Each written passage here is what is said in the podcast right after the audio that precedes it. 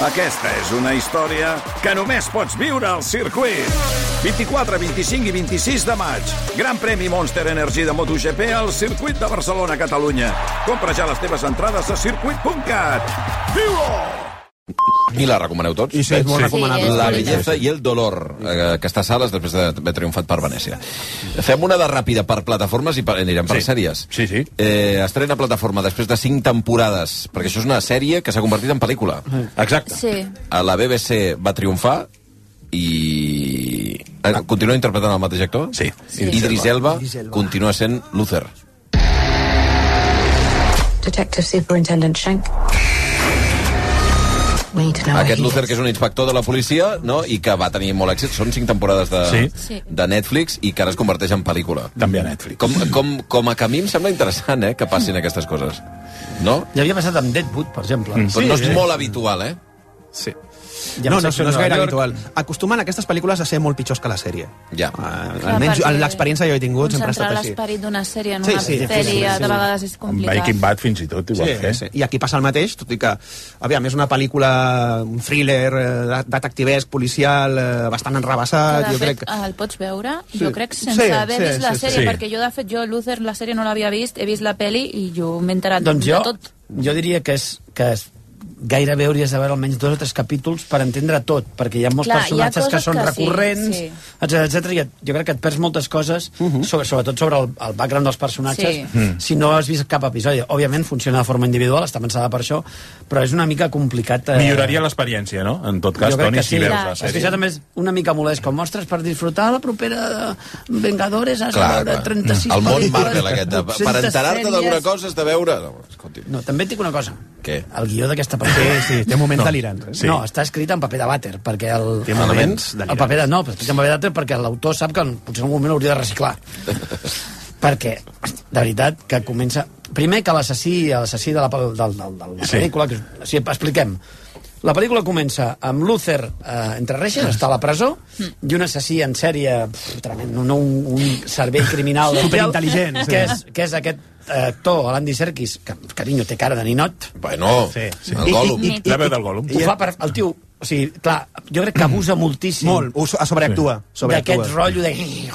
Soc molt dolent, soc molt dolent i estic molt boig. Ja. Sí, buah, Ara una perruca, no ara ja ho sabeu feia... les lentilles. Ara, No per sabeu exemple, que es puc fer. Va ser un dels dolents de, de, de, Wak, de, de Wakanda, del Sí. uh, Black Panther, no? Sí. de la primera, i, i efectivament, ostres, feia ja aquest paper d'estic molt boig. No, perquè es posa un nas i un bigot i ja ningú el coneix, Ja. ja. coses una mica absurdes, no? Va pel net, no sé, unes, co- fa unes coses... Va pel si la pel·lícula acaba una mica sent el Cirque du Soleil, saps què vull dir? Només falta aquell senyor xinès que trepa per la barra. I ja- moviments de cama, eh? Dret i ja, esquerra. no, no, ja ho tindríem, t'ho dic de veritat. Hi ha un moment, perquè fa- fan com... Clar, si la pel·lícula es podia haver quedat amb un policia perseguint un assassí, que és un esquema que més o menys coneixem, però vol ser molt més ambiciós. Sí. Vol ser molt més ambiciós, ja, ja entrem en una espècie de complot gegant, hi ha un munt de penya ficada i tal, mm. però no tens, no tens escalers. Ja, Déu. llavors és un problema, Se te'n va una mica de la mà, m'entens o no? No, acabem un búnquer. no tens... No. No, i que també hi ha girs de guió que dius, ostres, això què és? Això no t'ho compro, però ni... No ni ho acabat, no us ha acabat. De totes Sí, maneres... és entretinguda. És molt La entretinguda. sí. Passa bé. Compte que la Sí. gent no es pensi Ja que, la, que la pel·li és un bunyol. És una pel·li que, que passa bé. És una, és un, ja t'ho dic, un, una intriga de detectius policial a manades d'olla d'aquestes que tens és- una mica a quadros, però dius, bueno... Però és veritat que sí, abans de veure-la, fas així... T'obres el cervell, treus el cervell, el poses al costat dels veïns, tornes a encar-te al cap, hi fotràs molt més. I que, I que va a velocitat de creuer. quan o comencis, sigui, sí, quan comencis a pensar exactament, hòstia, aquest tio com ha aconseguit això, saps? És allò ja ho tens perdut, és una batalla perduda. 12 i 3. Eh, encara farem una mica de, de sèries, però abans tinc el Quim Salvador aquí al costat, perquè hi ha notícia d'última hora. Hola, Quim. Hola. Estàvem parlant del cas Negreira tot aquest matí, Ui, i hi he ha destapat un... algú, he destapat algú, Xavi. o? he destapat ja Quim alguna està- cosa. Posat sobre avís Florentino Pérez. Des del càmping del carro em dic que no s'ha jugat mai aquest partit. eh? Querella contra fa Blai. un mes, fa un mes que va destapar-se el cas a través dels companys de la cadena SER, de, de Ràdio Barcelona, i hi havia una institució i una persona que no havia parlat, que és Florentino Pérez. Ai, ai, ai, ai. Parla Blai Morell del complot de Negreira al càmping efecte. el carro, Canet. i hi ha hagut, efectivament, un comunicat del Real Sí, Madrid. fa pocs minuts diu així. Ante la gravedad de las acusaciones formuladas por la Fiscalía de Barcelona contra el Fútbol Club Barcelona y dos de sus presidentes por las sospechas fundadas de corrupción y sus relaciones con quien fuera el vicepresidente del Comité Técnico de Árbitros, José María Enríquez Negreira, Ahí. el presidente entenguis Florentino Sí. Pérez, ha convocado con carácter urgente a la Junta Directiva mañana domingo 12 de marzo de 2023 a las 12 en punto a fin de decidir las acciones que el Real Madrid estime oportunas en relación a este asunto. Per tant, toc de corneta de Florentino Pérez, reunió de la Junta Directiva del Real Madrid demà al migdia per analitzar quin ha de ser el posicionament del Club Blanc Però si la directiva és ell, no? És dir, Sí, sí, no, no, hi ha coses- no hi ha sí. accions eh, al Madrid Et toca de ple, eh, Bundó? Demà a les emprendre 12, no dius? en relació a la implicació toca de del. Barça al cas negre. No, és que efectivament no havia parlat, hi havia Hòsties, tot de càlculs eh, al voltant de, la, de, de qui li interessava què, si la Superliga per mig, i ara de cop Florentino Pérez diu que convoca en diumenge la Junta Directiva amb jugant caràcter... aquest migdia. Exacte. No sé si es podrien reunir... Bueno, Vaja, clar, sí, clar, passa que clar. seran tots al, al Bernabéu. Bueno, és que, de cada fet, estona. això és, Doncs no, això és interessant. Vull dir, quan es fan aquest tipus de coses, tenen mm, Claríssim, efectes. claríssim intent de boicotejar el dia lliure. Exacte, exacte. Bueno, Javier doncs ja Bundó. veurem demà. En tot cas, la notícia ara és que es reuneixen. Però que tenen previst fer algun tipus d'acció davant un- de les notícies. I a una Bé. setmana d'un Barça-Madrid al Camp Nou que Mare decidir la Lliga. Remena Han d'escalfar-lo, han Fem-ho d'escalfar-lo. 12 i 5, gràcies, Quim, eh? Fins ara. Va, anem per sèries, eh, perquè la setmana passada dèiem que s'havia d'estrenar una que, mm, que, que havia generat una certa controvèrsia, sí. fins i tot en el rodatge, mm. que és la del Nacho Vidal, que es diu Nacho. Esta noche es tu estreno. A las luces. Què, què? Nachete, no? Nachete. Nachete, no, Nacho. Es diu Una, Nachete. nach, el diminutiu aquí no, no el diminutiu no, No, no encaixa, no. hauria de ser nachazo, perquè, clar... de 3 Media. I a mitja setmana ja vaig sentir el Blai. Ostres, pues... Doncs no està Pues malament. bona sèrie, eh? Però està bé. Està bé, eh, la sèrie? Està Sí. bé, sí. És, és- un és retrat de Nacho Vidal? Sí, el que fa és ret- retratar la joventut, el personatge, d'alguna Però manera. no t'ho prenguis com una biografia No, d'aquestes... no, no, no, eh, no. És, és una conya. No arriba és, és una conya. No arriba al sapo bufo, eh? És molt divertida. El sapo bufo. Sí, no, no, això, això es veu que no surt a la sèrie tampoc, eh? No, Vull dir, no surt, Jo crec, retrata els seus, anys, els seus primers anys, sobretot quan no era conegut, és a dir, quan no era actor porno, com començava i què feia, com es divertia, i després com ja arriba a la sala Bagdad i allà descobreixen que aquest tio té un don. Eh, jo crec... Jo crec jo, crec- De no, 25. Sí. Prou. La, la sèrie ha trobat el to ideal per explicar aquesta història. Sí, I hem de dir-ho. sí. És a dir, et pot, Això és agradar, cert. et pot agradar més o menys... I hem de dir-ho! No, clar. Ets Charles Bronson, el justiciero de la ciudad. No, perquè molta gent es pensa que és una sèrie molt cutre i realment No. és d'aquestes últimes sèries basades en, en Home, celebritats espanyoles el que No més és m'ha Cristo agradat. el a mi. rei.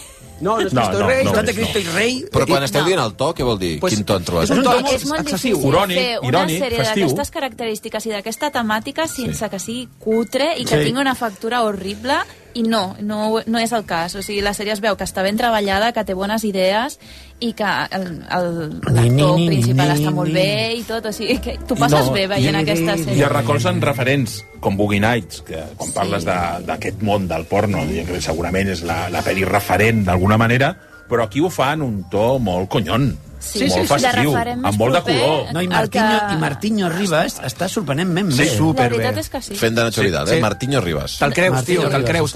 I, i sí. m'a- m'agrada aquest to eh, excessiu, passat de voltes i kitsch, que jo crec que és el perfecte pel personatge. És que si aquesta és el món d'aquest la mateixa història la intentes explicar d'una forma més o menys seriosa, I no, No no et surt. et dones un hostiot. No, clar. No, no, no, està bé, està bé. aquí, aquí el referent potser més directe és el que vas dir tu abans, Toni, pa mi Tomi, jo crec. Sí, que té pa mi aquest- Tomi, també, sí. sí. Té un aire. I no es tallen, eh? És a dir, el veus consumint drogues, veus fent totes les malifetes que feia quan, quan sortia de nit. Els veus a una sessió de Chimo Bayo, que és meravellós. Aquell episodi és Oh, ideal. oh. Se'l ruta el bacalao. O sigui, realment, Combinant el format videojoc també... el videojoc Això també... estava molt bé, sí. L'ambientació de València del, dels 90 fins als 80 La ruta també molt Té bé. un, té un munt de troballes de guió, jo crec, que, hòstia, que estan molt bé, Sí. Sorprenentment bé. És divertida. I Escolta, tota la de repartiment acompanya, perquè l'actriu que fa la seva companya està molt bé i surt el Belencosa en un paper que li va de conya, hi ha la Pepa Charro que fa de la Juani del, del és, és, Bagdad, és que la tropa de la sala del Bagdad, de veritat, és, està molt ben Home. trobada. Està molt ben un trobada. d'ells és l'Edu Soto. Ah, sí? Sí, sí, sí, sí. De què fa l'Edu Soto? És un dels que fa performance. De les campanes. Performance, Ah, però no, sí, però no aixeca- preguntis més. Aixeca. Ah, bueno, no preguntis sí, més. el campanero, el campanero. Bundó, perquè després és tu mateix que dius, bueno, prou, prou. Va. Eh, escolta, ens queden uns pocs minuts. Fem Perry alguna cosa... Manso. Vo- Voleu fer Perry Mason? O voleu fer la, el tema dels The Offer, Sky? jo, que vulgueu. jo faria The Offer. Va, The Offer. Anem a Sky Showtime, que és la plataforma preferida d'Òscar Broc. Eh, és així. Sí, sí. Ja ho va dir la setmana passada. I no és la aquesta... millor, la És la millor, millor del món. la millor plataforma de tots els temps. De tots els temps. Uh, en aquesta sèrie que es diu The Offer i que va sobre el Padrino. Sí? Sí. Listen here, Bob. Paramount is going to come crashing down. Que això és una sèrie documental, entenc? No, no, no, no, és una No, sèrie. és una No, ficció. ficció. Ah, ficció. És una Sobre ficció. el rodatge del Molt Padrino. boja. Sí. sobre el rodatge, però també sobre la gestació del projecte. Sí. Perquè va costar Déu i ajuda mm, aconseguir tirar endavant aquest projecte per mil i un factors. Entre ells, jo crec que el més desta- destacat, la participació de la màfia en tota aquesta història. Uh, uh. No explicaré quina és la participació, ni com entren, ni com surten, etc etc, però que la gent sàpiga que la màfia va, va tenir un paper important en la gestació d'aquesta pel·lícula i està molt ben parida. De veritat, és una pel·lícula magníficament ambientada. És pel·lícula, això? Sí, sí, sí, És sí. sèrie. És, una sèrie magníficament ambientada. És que ell creu, creus que és una... Ell creu que és una Ha vist un episodi. És una, ja que és una, això que em passa a mi com... Sí, sí. A tota Clar, l'estona. els capítols duren una hora. aquest pilot no ha acabat com jo pensava. I era una pel·lícula, ja una s'havia acabat. És que duren una hora. Bueno, almenys els, els, els episodis que he vist duren una hora. El que passa que no, no es fan gens llargs perquè és, et fiques de seguida a dins d'aquesta història, que és una història absolutament disparatada, surrealista de molesta, sí, sí. vegades, Sí, sí. i que semblava que és una pel·lícula que no es anava a fer mai i al final es va aconseguir Sí que, sí que és treure veritat que endavant. la sèrie, eh, aviam, té elements que els han ficat allà, hi ha més pa que formatge. Mhm. O sigui, no tot el que explica la sèrie va passar en realitat. Això és, com a mínim, això és el que de diuen. posar-li Però ho fa, miqueta de això. Però, exacte, però ho fan de tal manera... Hosti, és que la, la, la sèrie està molt... De fet, darrere de, de la sèrie hi ha el Michael Tolkien, que era el guionista del Juego de Hollywood, de Robert Altman. Sí. I és un tio que coneix molt bé aquest mundillo. i Jo crec que li he donat un toc molt, molt I especial. un La sèrie premi, molt, espe molt bé. un premi especial pel personatge de Mario Puzo, que és la- Ah, sí? l'escriptor que, va, l'escriptor que va escriure la, la novel·la original, que està tota l'estona amb un entrepà o un tros de pizza o un tros d'alguna una cosa amb greix a la un mà sense pasta. parar. Plats de pasta. Que t'entra una gana... De fet, hi ha un moment que el truquen per telèfon i el primer que li diuen és Mario, què, què estàs comiendo? Escolta, i una última cosa. Dilluns ja està, eh? Sí. Dilluns ja s'ha acabat lo de les Sí. sofàs, eh? Últim. Quina llàstima. Últim episodi, això, eh? Ai. Però, a Sky Showtime, Ah, Ara, ara, eh, eh. i porten una sèrie de videojocs una altra vegada que és Halo. La mateixa qualitat. Halo, una mica... Halo. Halo. Halo. Una mica cab cabaret, eh? Calleu, calleu. Halo. Halo. Però és una, eh, això que els, els que en sabeu més de videojocs és una videojoc... El que eh, sap una més bé de videojocs és la Noé. És un videojoc molt conegut, a més. Molt conegut. És un videojoc molt conegut, sí, uh, traslladant aquest univers, tot i que...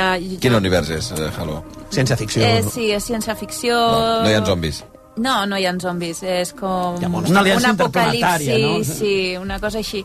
Tot i que jo només he vist el primer, però jo, pel que he vist, ja s'han pres certes llicències eh, del videojoc bastant grans. I no t'ha Bueno, agradat, no eh? passa res, eh? No, eh? No, no, és igual, o sigui, no passa res perquè també aquesta, aquesta sèrie té un, un objectiu totalment diferent. Aquí el que volen... Bueno, és una mica aquesta línia de Sky Showtime que jo dic, és una plataforma una mica testosterònica, o sigui, els productes són una miqueta No t'ho negarem, és- és cert, és de- Això és el que li agrada del Broc. Que està bé, No, no, o sigui, per, per desconnectar neurones El i... Broc, el Broc i el gat del Broc, que es veu obligat també a veure tot això. El gat ja està fins... No, el meu- el meu el, gat gat, el gat li diu que posi Netflix. Ja, una vegada. L'he de portar un terapeuta de gats. No sé si el, el, el deixo allà perquè parli una hora amb el terapeuta, després torna a casa nou. Però llavors tu, tu no t'ha acabat de fer el pes, eh? No, el primer capítol està bé, o sigui, és acció, ja veus una mica per on van A veure, els trets, a veure, literalment. Està, està ben fet, hi ha calés. Hi ha Està calés, bé. hi ha Es pasta. nota que hi ha pressupost, Hi ha hi ha, pasta, hi ha una intenció d'adaptar el món amb, amb, amb cara i ulls. Clar, però no, no és una bon... D'alguna manera no és un bon suplent a l'estofa. No té res a veure. No, té res a no, veure. què dius? Vaja. Ni el Per cert, ni Ens el quedarem orfes fatal Per dilluns. cert, a l'Ast of Us, Desastre. últim capítol... Com que venen curves. Sí, No, serà, no, no comenceu, eh? serà divisori, eh? No agradarà. No, hi haurà... Ah. Trencarà, trencarà... Oi, oi, oi, no. A Trencarà veure, a ànimes. veure, a veure. Ja sé per on va, ja sé per on va. Trencarà ànimes. Quines Ai. ganes de veure'l. Condó, trencarà ànimes. No, no, no fotem, no fotem. Tapa't amb la tovallola aquella que posa al cap. no miris la tele, no miris la tele. no plorar. No, no miris Twitter. Papa! No miris Twitter. No ploris, papa! No, és que saps quin és el problema? Que l'altre... Amb tota la, la cursa aquesta als Oscars no he vist l'episodi de la setmana passada. Oi, oi, oi. Mare meva, pues, eh, oi. Ara surten les vergonyes. Ara surten les vergonyes. No, ara és el que surt a Calleu risc que em fareu spoilers. Què? És, és el genoll dret, eh? El genoll dret del Toni. Ara com m'aixequi ho sentireu. Robocop. És la ròtula. Robocop Garcia. Setena part, Robocop. Va, pràcticament un quart d'hora del migdia, doncs fins aquí pantalles acompanyats, eh, com sempre, del Toni Garcia, de la Nomís Crevaro, de l'Òscar Broc i del Blai Morell. Va, que vagi bé, eh? Vinga, adéu, adéu, adéu, adéu, adéu, adéu, adéu.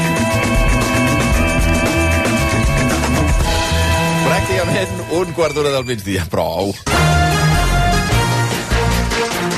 Judit Vila, bon dia. Bon dia. Moment àlgid de l'episodi de Fort Vent a Barcelona i a l'àrea metropolitana, tot i que també hi ha 17 comarques en alerta.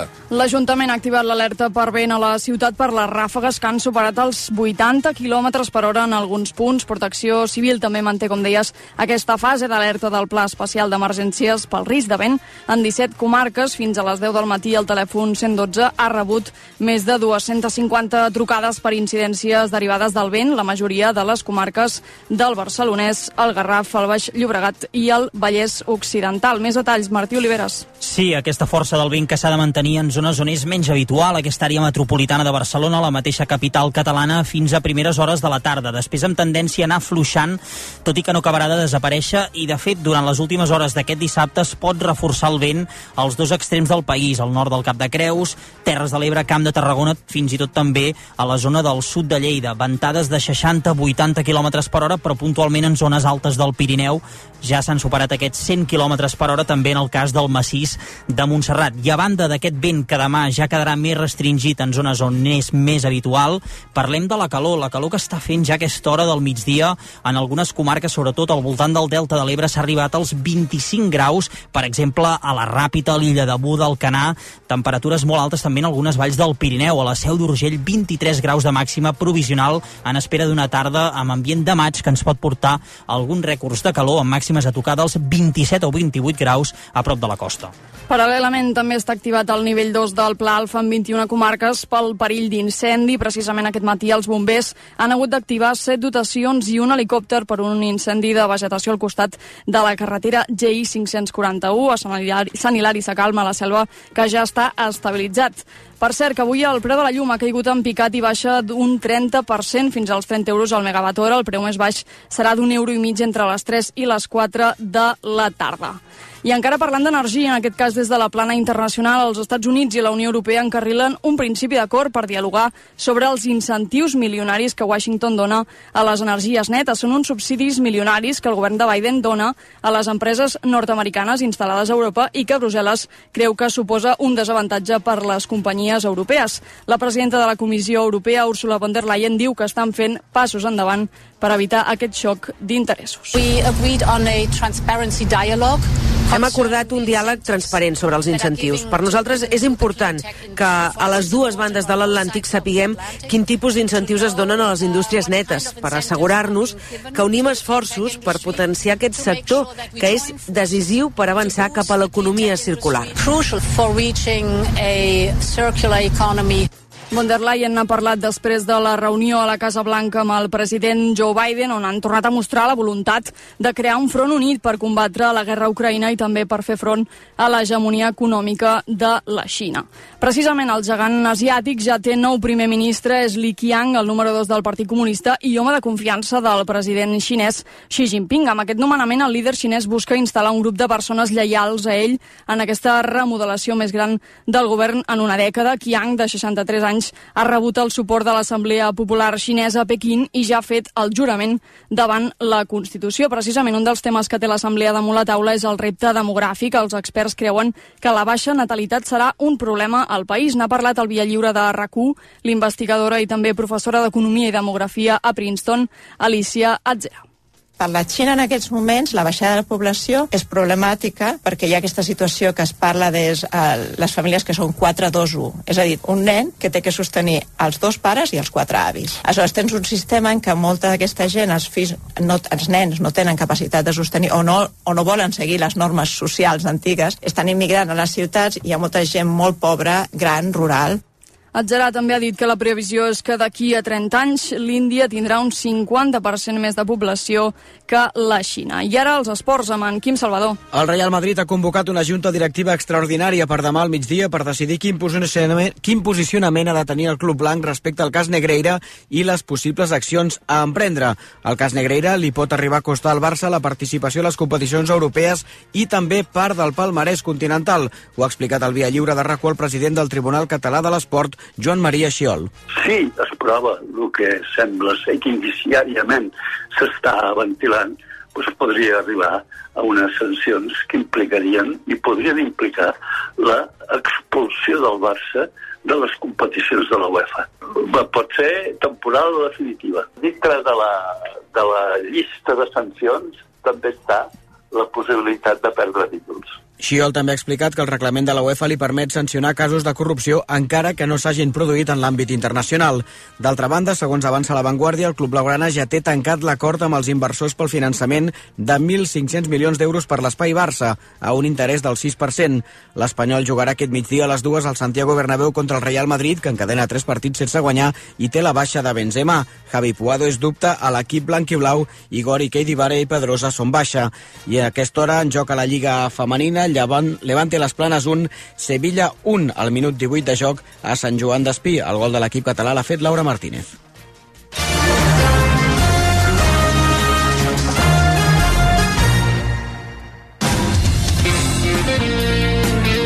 RAC 1 La vida passa pel davant, però igual que passa ja s'escapa. Ja arriba l'alegria que passa, l'últim musical de Dagoll de Gom. Una companyia d'artistes desperta els desitjos d'un poble gris. L'alegria que passa de Dagoll de Gom al Poliorama. T'emocionaràs. Hola, carinyo, com estàs? Bé, m'han dit que us truqui. Quines ganes teníem de parlar amb tu. Que tu passes bé? Estàs fent amics? Menges bé? Ai, mama. Ens trobes a faltar? Sí, mama. Però em puc quedar una setmana més? Colònies d'estiu de Rosa dels Vents. Cuidant el que més estimes des del 1976. Florentino ha arribat a la ciutat comtal, una firma de qualitat per l'home més elegant i cosmopolita. Descobreix la teva nova botiga Florentino al carrer València número 264 de Barcelona o visita www.florentino.com. Florentino, comoditat i estil pels que busquen una cosa diferent. Abel Folk, Llum Barrera, Roger Coma i Laura Porta protagonitzen Una teràpia integral de Cristina Clemente i Marc Angelet al Teatre Goya. Una comèdia plena de sàtira que traça un afilat retrat de la societat actual i els seus gurus de l'autoajuda. Aquest cop no t'ho pots perdre. Una teràpia integral. A partir del 15 de març al Teatre Goya. Compra les teves entrades a teatregoya.cat i a promentrada.com. Saps que hem contractat una cuidadora per la meva mare? La meva també necessitaria una, però ens dirà que no. Doncs la meva està contentíssima. Cuideo. Atenció a domicili de qualitat. Una mica més gran que Sicília i més petita que Suïssa, Taiwan és la perla de l'Indo-Pacífic. Una alteració del seu statu quo canviaria la faç del món. Serà Taiwan la Ucraïna de demà? Vanguardia Dossier respon a aquesta pregunta a la seva nova monografia. Ja a la venda a quioscos i llibreries. Vanguardia Dossier. Anàlisi per tenir opinió. RAC 1 Des de l'estudi a RAC1 convidem a passar el vostè primer. Arrenca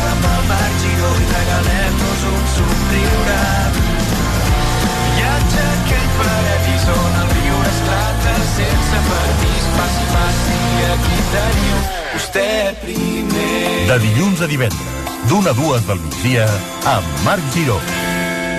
RAC 1. Tots som 1. Via Lliure, amb Xavi Bundó. 12 i 22 minuts, eh, i doncs els que en són fans ho saben perfectament, perquè a més a més hi ha hagut una bona campanya d'arrencada, però ahir va arrencar ja amb èxit a TV3 la nova temporada d'Eufòria. Benvinguts totes, perquè... Això és Eufòria!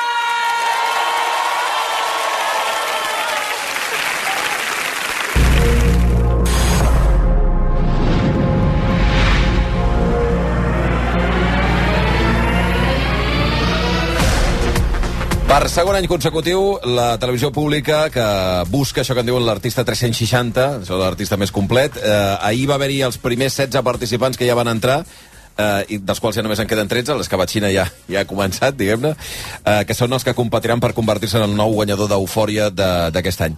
Hem de dir que l'estrena va ser molt bona, eh, a nivell d'audiència, mm, 22% d'audiència ahir, mitjana de més de 380, del voltant de 380.000 espectadors, i una mica per parlar i va avaluar com ha començat aquesta, aquesta temporada d'Eufòria, deixeu-me parlar amb qui ja va venir l'any passat per, en fi, per parlar d'aquell fenomen eh, que és el director i productor executiu d'Eufòria, el Toni Hernández. Què tal, què tal com estàs, Toni? Bon dia. Bé, bé, bé, adormit encara. Sí? Sí, sí, sí. Heu acabat tard, no? Vam acabar molt, molt tard. Bueno, això és una cosa que t'he de preguntar ja, no, eh, per l'horari.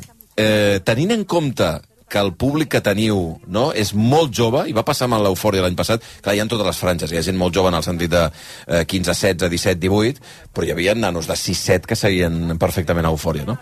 Això de l'horari, acabar a la una de la matinada, eh, com, o sigui, esteu còmodes en aquest horari? Creieu que s'hauria d'avançar? No? Com, com es fa Intentarem, això? intentarem acabar abans. Acabar abans, perquè la, la gala és immediatament després de...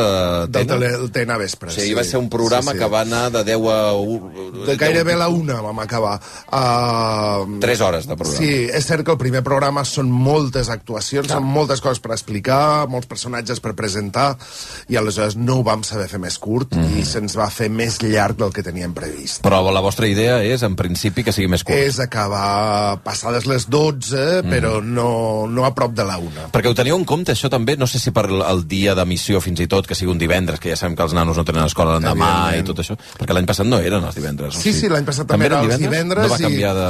No, no, sempre Ah, va sempre ser va ser divendres, des del primer dia. Eh, Realment és molt bon dia per nosaltres, un divendres, perquè és el dia de consum familiar, Mhm. uh, de pizza i eufòria, i, i aleshores sí que entenem que els nens se'n poden anar a dormir una miqueta més tard, però això sí que intentarem uh, acabar abans. Això ho teniu ben controlat, no?, el tipus de públic que teniu, i teniu molta criatura, no? Tenim molta criatura i, mira, ahir un 36 eren nens de 4 a 12 anys i un 44 a joves de 13 a 24. Què dius? 44,1 eren joves de 13 a 24 anys. De 13 a 24, que és, que és el- molt bona notícia. És una gran notícia per TV3, en general, i, pel consum de la televisió i, I dels tant. mitjans en català, que, no? I que sempre tant. és aquell públic que sempre ens estem fent teories per tot arreu de com capturem el públic jove. Ostres, gairebé la meitat dels de 14 a 24 que estaven mirant la tele estaven mirant Eufòria. Sí, Hosti, sí, això sí, és una sí. gran victòria. Sí, sí, és, eh, és molt maco. Uh Mhm. És molt maco que els joves connectin i que després les altres franges d'edat també hi siguin.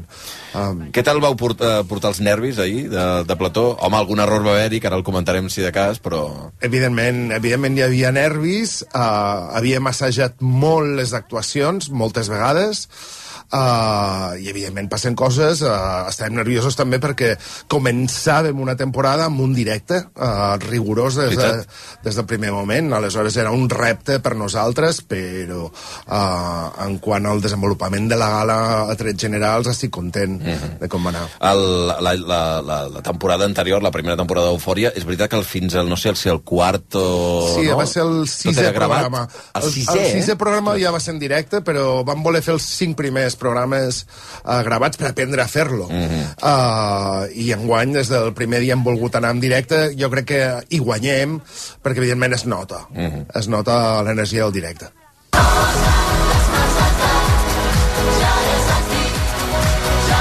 Jo me'n recordo quan va acabar Eufòria, que, que el vam tenir al tono i vam parlar amb la gent de TV3 i el Trapat, que també estava aquí, i dèiem, l'endemà de la final, deia, eh, bueno, això ja deu estar, deu, deu estar-se treballant, no?, la renovació d'Eufòria, i diu, home, després del que ha passat per TV3 amb el, amb el tema d'Eufòria.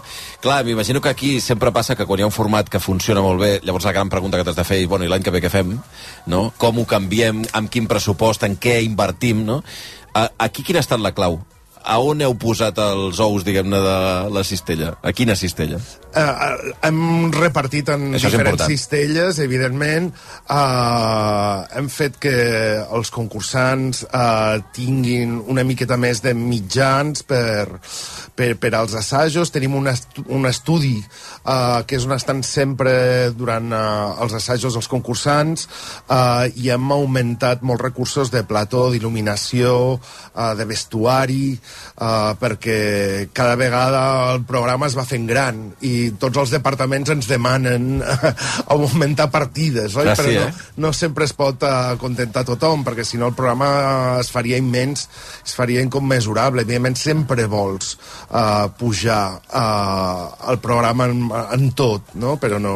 Que hi ha molta inversió de plató, també, o no, d'escenari? Hi, hi ha més llum, hi ha, hi ha coses que potser a primera vista no es perceben, Mhm. però hi ha un un 33% més de focus uh, en Hosti, tot el plató, per tant, hi hem guanyat. I cap més gent, també, no, de públic? O... I cap més gent, No sé si sí. l'heu fet més gran o senzillament que heu trobat la fórmula, però hem vaja. trobat la fórmula de, i hem fet una grada de públic nova mm -hmm. uh, i aleshores són gairebé 300 persones en guany. Déu-n'hi-do, eh? Sí, sí, déu nhi allò bull, molt grossa. allò bull. Eh, la primera gala va començar amb els 16 concursants que van superar els càstings finals eh, i que, en fi, que van oferir tot tipus de cançons des dels de tiets El, el que surts amb mi aquesta nit, de l'1 al que vas amb Aquest és el Domènec o... Aquest... Bueno, jo això, quan vaig veure això... Mira, mira. Jo no sé si serà una de les favorites o no, però em va semblar que l'Helena, que era, no es coneixia de res, i va fer la Cher d'una manera extraordinària.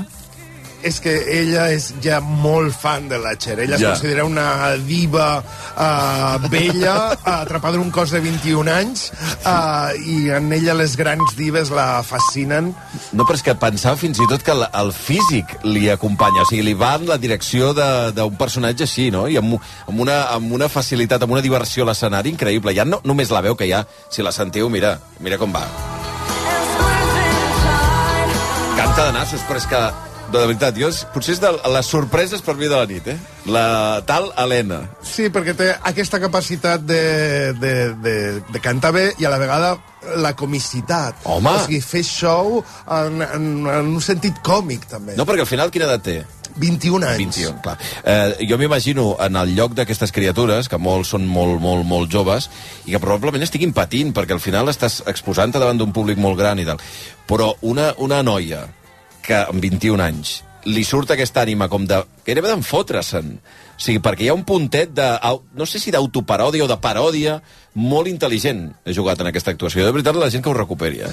Ella em va dir, uh, mira, si amb aquesta actuació que m'heu donat em fan fora el primer dia, jo és que me'n vaig contentíssima sí, perquè hauré fet això. No, no, fantàstica. Aleshores, aquesta és una molt bona actitud d'un concursant. Va, una altra. La Sofia va cantar Miley Cyrus. Això de la primera gala, les cançons que es van triar eren molt a prop del perfil del, del cantant, de la, de, la, de la gent que es presentava, o com ho veu fer, això? Sí, en general són molt a prop de, de la música que més eh, bé els hi va. Mm. Uh, Que estiguin més còmodes. Exacte, sí, més, més propers al seu registre habitual. Després ja el fem fer una petita evolució. Clar, o sigui, a mesura que va avançant el concurs ja canviava una miqueta. I els hi vam, els, se'ls hi va proposant reptes per a, per a moure'ls de la seva zona de confort. Mm. Uh, abans estan parlant també de la, de la qüestió de, dels comentaris a les xarxes, que sempre són molt bons amb eufòria, no? Um, I d'una qüestió clau que deia al principi, no? Capturar un públic a través d'un producte en català, no? Uh, hi va haver molts comentaris a favor d'un dels concursants que és nascut fora de Catalunya, el Tomàs, que va néixer És Xile, a, eh? Xi- a Xile i que va cantar aquesta cançó. Soc Tomàs, tinc 17 anys, soc Ah, de bueno. Xile i visc a Catalunya. No sé si és aquesta la cançó, la sentirem, però vaja, és el vídeo d'arrencada. com a resultat del Covid. Vam fer un viatge amb la meva família que durava tres mesos. Va començar la pandèmia. El Covid, tot cancel·lat... És el que va cantar Elvis, oi que sí? Exacte, va cantar Suspicious Minds. Suspicious Minds. Um, el tema del català és un requisit Eufòria? És a dir, que els concursants parlin català? No, no és un requisit. No ah, és un requisit. No, no. Uh, evidentment, el que sí que demanem és que l'entenguin, perquè si no, no ens podríem comunicar. Mm -hmm. Però no és, no és allò, dius, ostres, si no parles català no podràs entrar a Eufòria. No, no, no no n'heu descartat cap, val. Al final de la nit, el jurat va col·locar els concursants de la zona de perill i, en, i en principi havien de ser quatre, els que fossin expulsats, van acabar sent tres perquè hi hauria el famós sobre Vist l'alt nivell dels concursants van obrir un sobre i van dir, bueno, doncs en salvarem un mes, no? Això anirà passant, sorpreses d'aquest tipus? Un sobre apareixerà un sobre un altre d'aquestes coses? A Eufòria sempre volem fer sorpreses. I aleshores, en forma de sobre o no, uh, sempre intentaré mm -hmm. fer sorpreses. Està bé. Uh, I dèiem que aquí va haver-hi segurament l'error tècnic més vistós de la nit, no? que és perquè les, les votacions per veure quins d'aquests vuit, quatre es quedaven, uh, llavors, en principi n'havien de quedar quatre fora, i no, en quedaven tres. Per tant, havia, havia d'haver una segona votació. Aquí aquesta votació no va funcionar i vau fer servir els números de la votació anterior. No?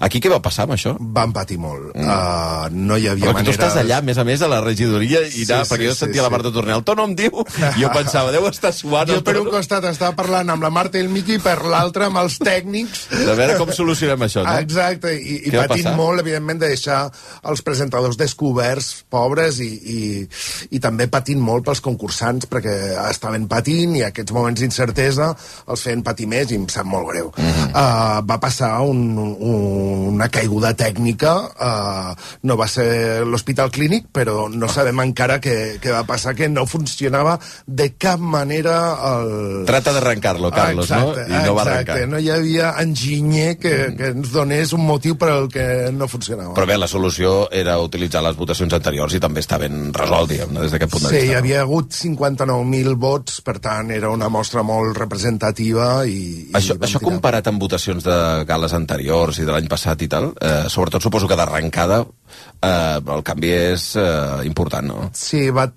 va tenir més vots que la primera gala que vam fer en directe l'any passat. Mhm. -huh. uh, el que passa que no recordo exactament les, les xifres de vots, eh? Mhm. -huh. Tirem una altra de les cançons que es van eh, fer ahir.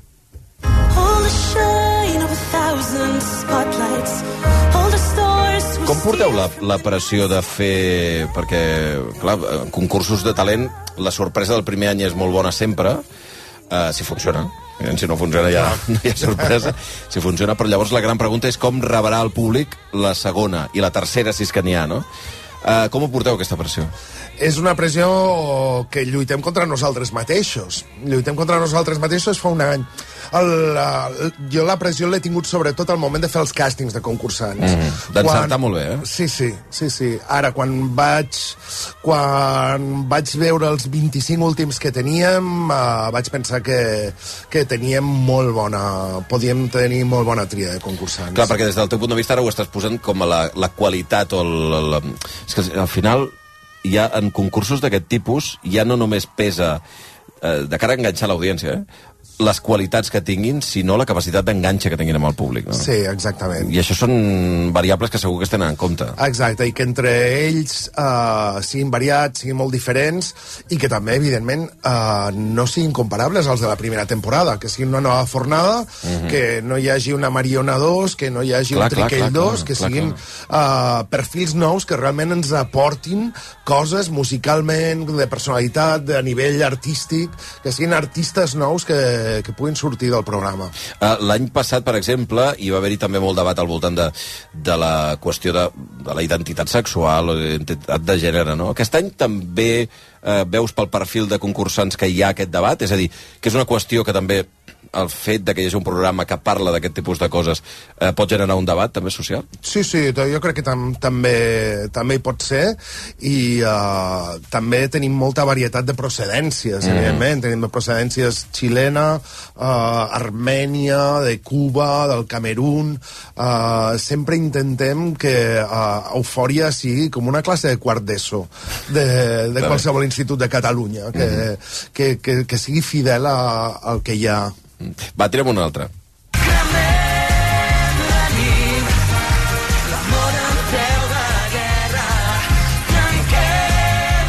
Bé, llavors heu hagut de fer canvis també perquè feu pujar la Carol Rovira, eh, que abans era la coach eh, bu- D'interpretació. no, i que ara passa a ser jurat, no? Eh, I a partir d'aquí feu contractacions noves, diguem-ne, no? s'han obert places eh, de, de coach. Eh, una d'elles és la, la Paula Amàlia, no? coach d'interpretació, i també la Clara Luna com a coach de veu. Exacte. Què tal aquestes entrades? Molt bé, jo crec que ens aporten sàlvia nova, que ens donen uh, noves perspectives de, de tractar els concursants, cadascuna amb la seva personalitat. La Clara Luna està sobre creant les segones veus durant la setmana i, i la Paula Amàlia és, és una persona increïble uh, com donant consells in- interpretatius als concursants i, i els hi va molt bé. Deia una cosa al Lil Dami quan estava en l'inici de, la, de la gala que deia mira, fa molt poc va haver-hi els premis de la indústria eh, musical que eren de rock i alguns dels d'Eufòria de l'any passat han passat a ser companys, no? M'imagino que referia, per exemple, a la Mariona, que va rebre un dels premis, no?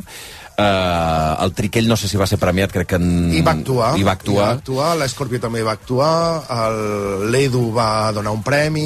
Imagino que això deu ser de les coses que, so, que fan sentir-se orgullós del programa, eh? Sí. De pensar que tenen una carrera després I del tant, programa. sí, sí, n'estic molt content. O sigui, cada pas que veig que fan els concursants de la primera temporada Mhm. és, eh, em fa molt feliç.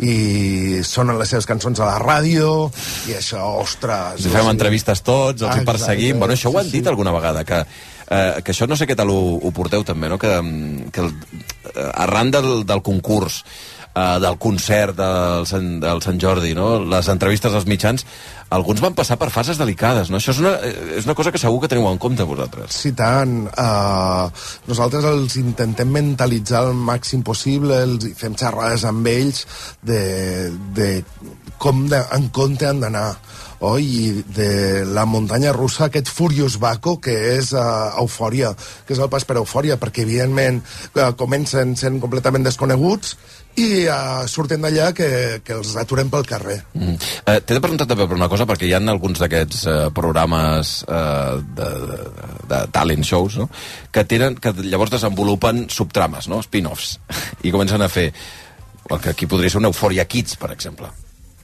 Pel teu cap ha passat la idea de fer una eufòria de més petits?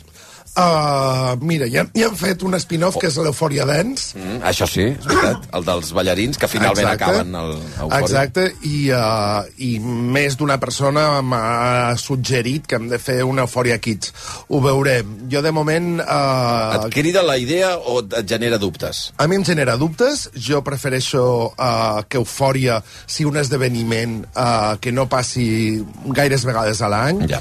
que com més esdeveniment és, més bé funcionarà. Mhm. Jo crec que els programes han de descansar. Uh -huh. uh, Els hem de trobar a faltar, diguem. els hem de trobar a faltar i hem de donar temps també que es generi uh, talent, perquè tenim molts concursants de 16-17 anys uh, que no els tindrem si de nous, o pocs més en tindrem de nous si fem un càsting d'aquí dos mesos. Clar. Per tant, ens hem d'esperar una mica perquè el programa torni a tenir un talent que s'hagi que hagi florit, que hagi crescut. Això ha passat també amb alguns dels concursants d'aquest any, que l'any passat eh, es quedessin a les portes però arribessin molt endavant als càstings d'Eufòria? Sí, enguany tenim la Carla i el Carlos, que són la, és la seva segona oportunitat Eufòria. -huh. Que ja van passar per tota la fase. Van arribar al final... Van estar a punt. Van estar a punt d'entrar i no hi van entrar i enguany és la seva segona oportunitat. Ara estava pensant en això que dèiem d'Eufòria Kids. Eh, tu saps que hi ha programes com Masterchef, per exemple, que tenen Celebrity, no sé què. Celebrities ja sí que no, no? Oh, evidentment no.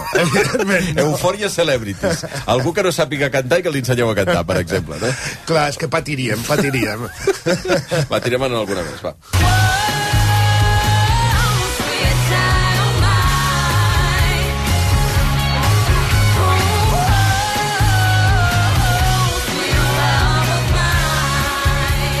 Veu notar-ho també amb la gent que es va presentar als càstings? Eh, respecte a l'edició anterior o no? De- Amb la quantitat de gent, eh? dit Sí, de va ser gairebé el doble. El doble. Uh, van ser 2.300 persones, l'any passat n'havíem tingut mil i poques. Hòstia, però això, com a fenomen... Sí, sí, sí, és, és, ens va obligar a passar moltes hores escoltant uh, els vídeos que ens enviaven. Sí, sí. Ja uh, teníeu prou equip per fer això. Sí, teníem prou equip, però jo mateix em vaig veure molts, eh? Moltes tardes m'he passat mirant vídeos i vídeos a casa, vinga, per filtrar. següent, sí, sí, tant, i següent. tant. Sí, I anar sí. seleccionant. No? Eh, I a partir d'aquí, ja sé que això acaba de començar, eh? Quantes gales són? Són 13 gales. 13. Són 13 O gales. sigui, na- a, a partir d'ara ja no en cauran tres de cop, sinó que en principi cada setmana caurà algú. Cada setmana en caurà un, i pot haver alguna sorpresa, evidentment, Val. perquè és eufòria, si no, no, no seria eufòria. Sí. I uh, semifinals i final. Val. Mira, deixa'm sentir el Carlos, eh, que em sembla que és l'últim document que, que, que teníem. La vida que em dones tu és la que em fa caminar. Vida que omples aquest covard que lluita i somia que avançarà.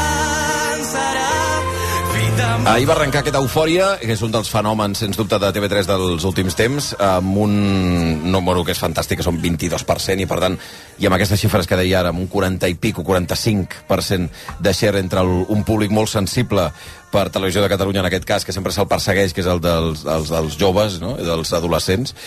Eh, et volia fe- fer una darrera pregunta que té a veure amb una de les qüestions que han, eh, en fi, que han anat apareixent al voltant del programa Eufòria i que són de les parts segurament més polèmiques per saber eh, què és el que opineu vosaltres perquè, home, a finals d'any eh, crec que va ser cap al desembre va aparèixer Josep Maria Mainat i va dir públicament, no sé si va ser una entrevista a l'Ara, al Toni Cruz també, que volien denunciar la productora perquè era una còpia del format Operació Triunfo. Eh, no sé si us ha arribat de, denúncia o alguna cosa. Que jo sàpiga, no. Que jo sàpigues, no. Um, tu que ets el director d'entreteniment, de, en aquest cas de Veranda, no? Uh, que, uh, quan, quan heu rebut aquestes acusacions, què heu pensat? Jo crec que és, eh, és molt sorprenent que algú que es dedica a la televisió no diferenciï entre el gènere i el format. Evidentment, eh, són dos programes que es comparen, que són el mateix gènere, eh, que és el talent show musical, i que tenen trets en comú que són universals, eh, però una altra cosa és el format, i el format és evident que són eh, formats completament diferents. Mm -hmm. Per tant, si us arribés eh, a partir d'aquí alguna demanda d'algun tipus, doncs vaja, a defensar-la, suposo. Evidentment. Mm.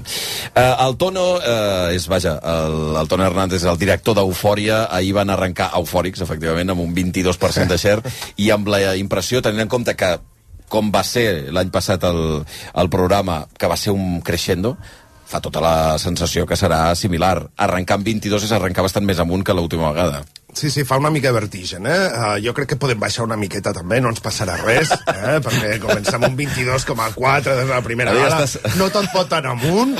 Sí, Estàs guardant la roba, ja. Ens, ens hem d'estabilitzar. Peus a terra, eh? Que peus a terra, perquè un 22 és una animalada. Tu no sí. ho haguessis signat, eh? Un 22. Jo, amb un 16, pensava que era No molt bon fotis. resultat. Sí? Sí, Xavi. Sí, 16 sí. ja et semblava bé, eh? Jo un 16 pensava que és molt bon resultat. TV3 té una mitjana de 14, Sí. per tant, un 16 i un programa que dura tant, tanta estona... Ara m'estàs fent rebaixar les expectatives, no? Perquè si l'any passat què vau fer l'última gala? 20 i què? Un 29,7. 29. I ara et diria que, bueno, progressivament doncs, hauríeu d'arribar un 35.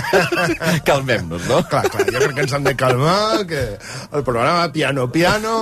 Mica en eh, mica en mica. Molt bé, moltes felicitats, Tono. Un plaer, Eh, moltes gràcies. Ara ja hem arribat a tres quarts d'una del migdia, doncs bé, aquest debut d'Eufòria, avui també al, al Via Lliure. Fem res, una petita pausa i de seguida arrenquem el vermut, va. La vida, cuando una esperanza cumples ilusiona, quan t'empenya i t'abraça, t'omple el cor.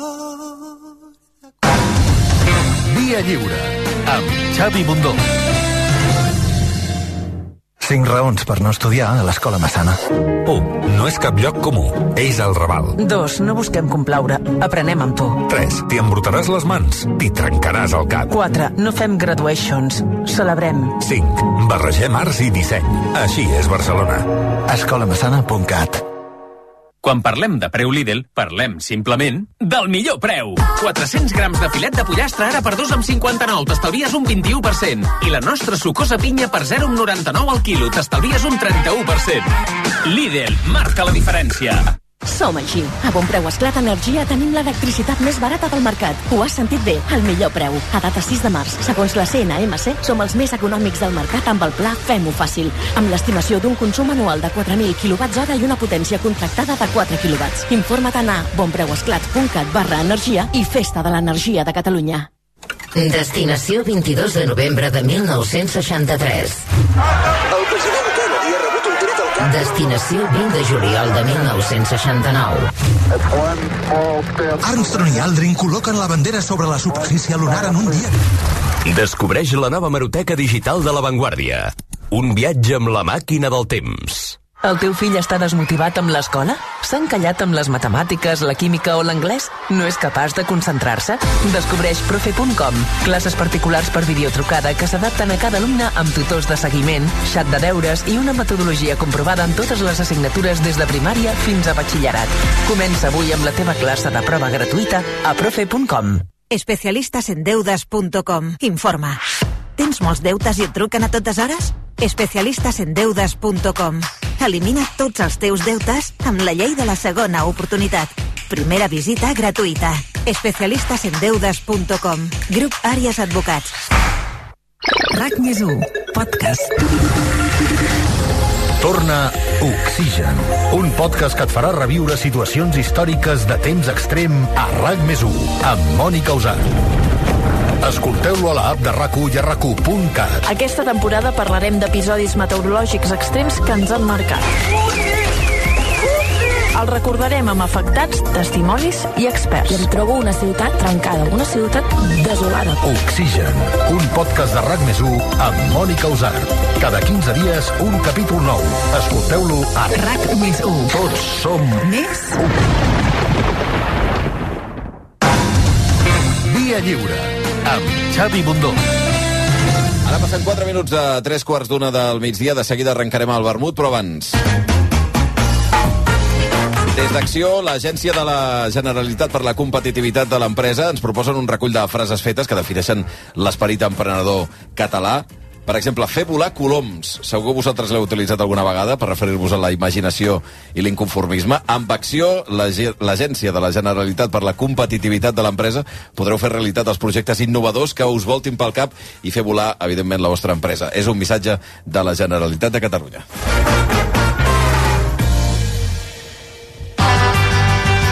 Ja pots aplaudir ara.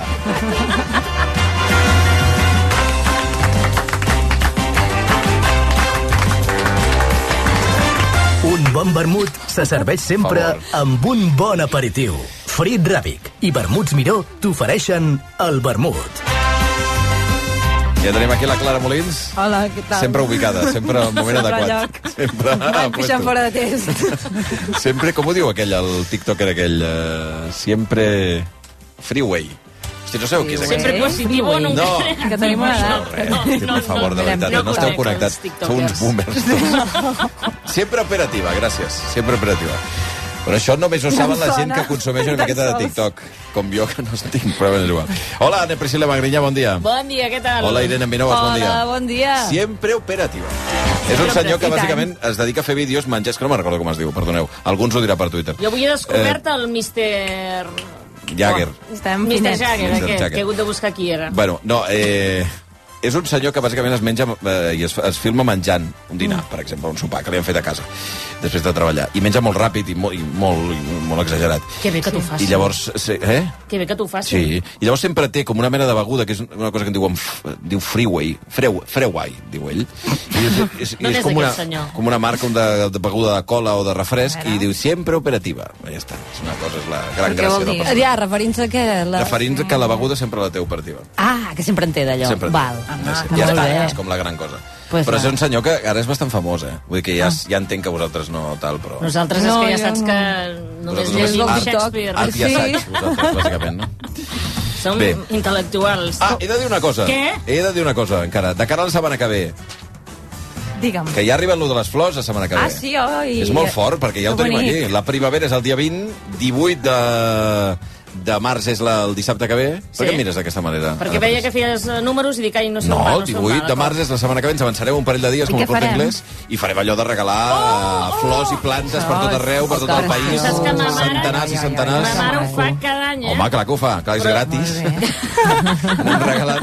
I hi haurà una sèrie d'oients, 30 concretament, que aniran a un lloc que és meravellós, que si no hi heu estat hi heu d'anar, que són els jardins Marimurtra, que hi ha a Blanes. Mira, us ensenyo una foto, perquè si no ho A coneixeu. Oh, que idíl·lic, que Que, bucòlic. que és increïble, és uns jardins eh, que són bé cultural d'interès nacional, Creu de Sant Jordi del 2009, un lloc esplèndid, espectacular, amb vistes al mar, que tenen, en fi, una Aquí pila no hi hem de... gravat cap pel·lícula, eh, encara? Eh, Jo crec que ja han gravat ah. algunes coses, però jo quan ho vaig veure vaig pensar, això, és, això ha de ser Joc de Trons, i em van dir que no era Joc de Trons. No sé quines se n'ha gravat allà, però segur. Perquè Joc de Trons era... Ara, potser m'equivoco, no que sé s'ha si era casat Lloret. Xavi Hernández, els Girona, jardins de no? Bueno, això També. estem fent una fake news aquí ara. Bueno, no Qui s'ha casat? Xavi Hernández, diuen. No sé, no sé, no sé. És un lloc de, bueno, d'Instagram, o sigui, Que no ho penses estava, de fotografies casat. opetes. Però, però no dic que s'hagi casat ara, que quan es va casar, es va casar allà. Se casarà el dia de la Clar, que ho primavera. dius, en present, Ai, senyor. d'indicatius. Bé, què heu de fer si voleu anar-hi el dissabte que ve amb una visita guiada en aquests jardins esplèndids Marimurtra que són a Blanes, un grup exclusiu d'aquest programa de 30 oients, doncs entrar a les xarxes socials, Instagram, Twitter, Facebook, la que tingueu més a mà, TikTok? i clicar... No, no en tenim. Cliqueu l'enllaç que hi trobareu i que us permetrà apuntar-vos al sorteig tot el dissabte, també diumenge podeu fer-ho fins a les dues del migdia, allà ja ho tancarem i farem el sorteig. Els afortunats rebreu correu electrònic explicant-vos tots els detalls. Em diuen que sí, eh? Es va casar Xavi Hernández de Jardins Marimurtra. És la dada del...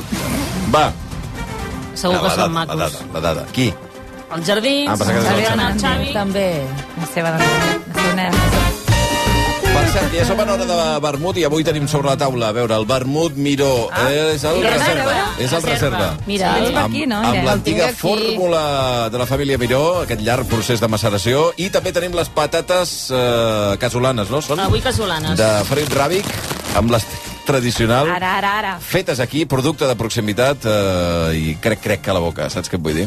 Bé, perquè no estiguem sols fent el vermut... és que avui fa molta calor, avui és Crec, dia de crec, vermut. crec, crec. Avui he de sortir a, vermut, a vermutejar. Tenim l'ampolla de 3 litres d'autèntic vermut Miró per sortejar entre els oients, que respongueu ara mateix l'història que acabem de publicar a Instagram. Eh, pregunta que heu de respondre avui... Mira, que, ja On us acabarem- veu casar vosaltres? No, ja que venim de parlar d'eufòria, a quin programa de tele us heu enganxat a la vostra vida? El que més? Vinga. Uau. Respostes als La doctora stories d'Instagram. Operació Ah, no, Triunfo. La és, doctora, és què? una sèrie. La doctora Bueno, Quinn. programa de tele, està bé. La Fletcher no és veritat, no diguis mentides. Jo el que més esperava Sí, eren les tresines, quan era petita. Sí, completament d'acord. Fins i tot et diria que potser et diria que a Europa, eh? Oh, Europa! Oh, Europa. Xup, xup, xup, Sí, xup, xup. oh, Europa. Bola de drac, eh? Estan votant molta gent. Bueno, normal, normal. El Va, Doraemon. 5 minuts i arribarem a la una. Anem amb la jornada de reflexió al costat de la Minoves. Hola. Què dius, Minoves? Mira, avui a mi m'agradaria obrir el meló del doble tic de WhatsApp. Ui. Sabeu, Mira, oi? Meló sí, complicat, sí. eh? Meló complicat. Al, al WhatsApp hi ha l'opció de confirmació de lectura dels missatges. Sí. Eh, que si la tens activada, el doble tic de cada missatge pues, queda en blau indicant que l'has llegit. Si la Correcte. tens desactivada, queda en gris i l'altra persona que el rep no sap si l'has llegit o no. Jo crec, no ho sé com ho veieu vosaltres, això, però que aquesta opció eh, divideix la població en dos grups de persones que representen dues maneres completament antagòniques d'anar pel món. A veure. A veure, jo no voldria faltar ningú, eh? Perquè tampoc sé si vosaltres el teniu activat o desactivat. Després en parlem. Val. Però Envia jo un crec... WhatsApp i ho compro. També, també. Um, la gent que... Tic blau? que... No, que et deixen en gris i tu no saps si l'han llegit o no. Sí, sí. Jo, per mi, aquesta gent no són de fiar. Jo, per mi, aquesta gent no són de fiar. Per mi que Eh, bastant amaguen, d'acord. Com a mínim, una addicció al paraulògic, aquestes persones. Encara, a dia d'avui? Jo crec que sí. Jo crec que miren el mòbil, veuen WhatsApp, el paraulògic. Són els típics que no confirmen si aniran a la calçotada o no. Després es presenten i es queixen de la salsa romesco. Haver contestat. És que aquest Haver tipus de contestat. Jo crec que persones- Piqué et deixa en gris. Sí, sí, és el perfil, eh? Totalment. I es presenta en qualsevol moment. Ets. En qualsevol moment. Ja, ja, ja, ja. En canvi, en canvi, la, La persona que et deixa en blau, la persona que et deixa en blau, encara que no contesti, no? Eh, no li fa por mostrar que està passant de tu a la teva cara. És algú que va de cara, aquesta persona. Potser tampoc sap si vindrà la calçotada o no, no? però jo crec que és el tipus de persona que, si bé, com a mínim et porta pues, un vermut i unes frits ràbits o alguna cosa. Eh, Shakira, et deixa en blau. A veure, en Aquesta en és, és la em defenso, defensa ja, avui. em defenso abans de començar, perquè jo he rebut moltes queixes de... Com que jo deixo el tic en blau i no contesto alguna vegada, Alguna. Però vas de cara. algunes, fe. algunes, però no. Eh, jo és que o sigui, jo em perdo amb el mòbil. Llavors, eh, llegeixo un missatge i dic, Serà ara, després, això. després, després contesto. I segueixo fent i em, em, ja me n'he oblidat. Llavors vaig descobrir una cosa que encara no, no estic fent servir gaire ara, que és... Ja sé. Perquè un cop ja l'has llegit, ja és com si l'haguessis Es perd, respost. es perd, no? es perd. Entre- entre- No, ja- no, Sí, no, però una no, de és com si botó. l'haguessis respost. No. Per què no l'has No. respost? No, però per tu, mentalment, Però clar, que ja no hi ha el... clar, Tens has tres missatges per però llegir. l'altre no li arriba per l'altre Bueno, ha l'altre no, l'altre no, però jo estic pensar, dient de home, la aquesta meva persona posició. què, eh? A ja pots posar que el missatge sigui com si no fos llegit, com els mails. Ah, Sí. Sabíeu, això, no? Sí, sí. Que et sortís allà el, Et, el et missatge surt una com de... boleta blava al costat del, Com dient, eh, que no has respost això. Passa que jo crec que, no sé, hauria de ser més automàtic, perquè no me'n recordo mai de posar-ho. Clar. De El problema és el mateix, perquè has de pensar en marcar el missatge tal. Al final... Però, però m'heu donat una idea, eh? O sigui, ara em trauré lo, de, lo del blau i em fem punyetes, eh? Més tranquil. I a vegades passa que queden enterrats aquests missatges. Home. Llavors, també Sí. hi ha un nou sistema que és Ah. com que et jerarquitza els missatges no llegits i te'ls posa tots a dalt, llavors saps de qui no has contestat. Ah, sí. Perquè molt bé al per dir, vale, he contestat aquestes persones, ho faré ara, després de I- Ah, sí? quatre dies es pot fer això. O sigui, no és, no és una qüestió de, de, de temps de rebuda? Del... No, és que si ho has llegit o no ho has llegit. Sí, Diu que hi ha és una així, opció. però després hi ha una altra opció que tu la cliques i t'apareixen els, jeràrquicament els que no has llegit a, a dalt de tot. per viure encara més d'entrada del Gmail. atabalada, no? I tota l'estona anar veient els que no has contestat i Exacte, encara per si no més. En tot cas, els que no contesteu esteu fent ghosting i és una cosa molt lletja de fer, eh? Sí. Sou una mica maleducats. No, es diu així. Sí. No, No li poseu noms raros I una, coses. una pregunta, quant de temps eh, pots trigar a contestar un missatge. Em refereixo a, si ha passat una setmana, dues, tres, quatre, arriba un moment en què ja no pots contestar. Totalment sí, si ha passat un mes... Jo penso que sí. Mentre siguis una persona educada... Home, al cap d'un mes, si aniràs Sí. a la calçotada de fa un mes... Ja haurà passat No, la calçotada, te el, l'hauràs perdut el segur. problema és que potser aquella persona torna a escriure I tornes a trigar, tu. i te n'adones... No, no, però jo, jo ho he fet per Però és que és molt perquè és humiliant, veritat. és aquesta persona que torna a escriure. O sigui, Però la per persona què? que insisteix és una postura No, però no és complicada, una qüestió d'insistir, és per un altre tema ja. eh? Ah, però Clar, la, ja ha passat, llavors La queda en calçotada evidència següent. que no respost. Clar, clar, clar, per això. Llavors has de demanar disculpes com, com Perdona, passa. Perdona, que no et vaig dir res. No et vaig o dir no res, fas me'n cas vaig a l'elefant de oblidar. l'habitació. Eh? No fas cas, cas a l'elefant de l'habitació del què WhatsApp. diu- Què diu ara? Quin elefant? Pues hi ha un elefant a l'habitació que és un missatge no contestat Ah, i estem tenint bueno. una conversa I sobre fas una veure que no. Fas veure que no.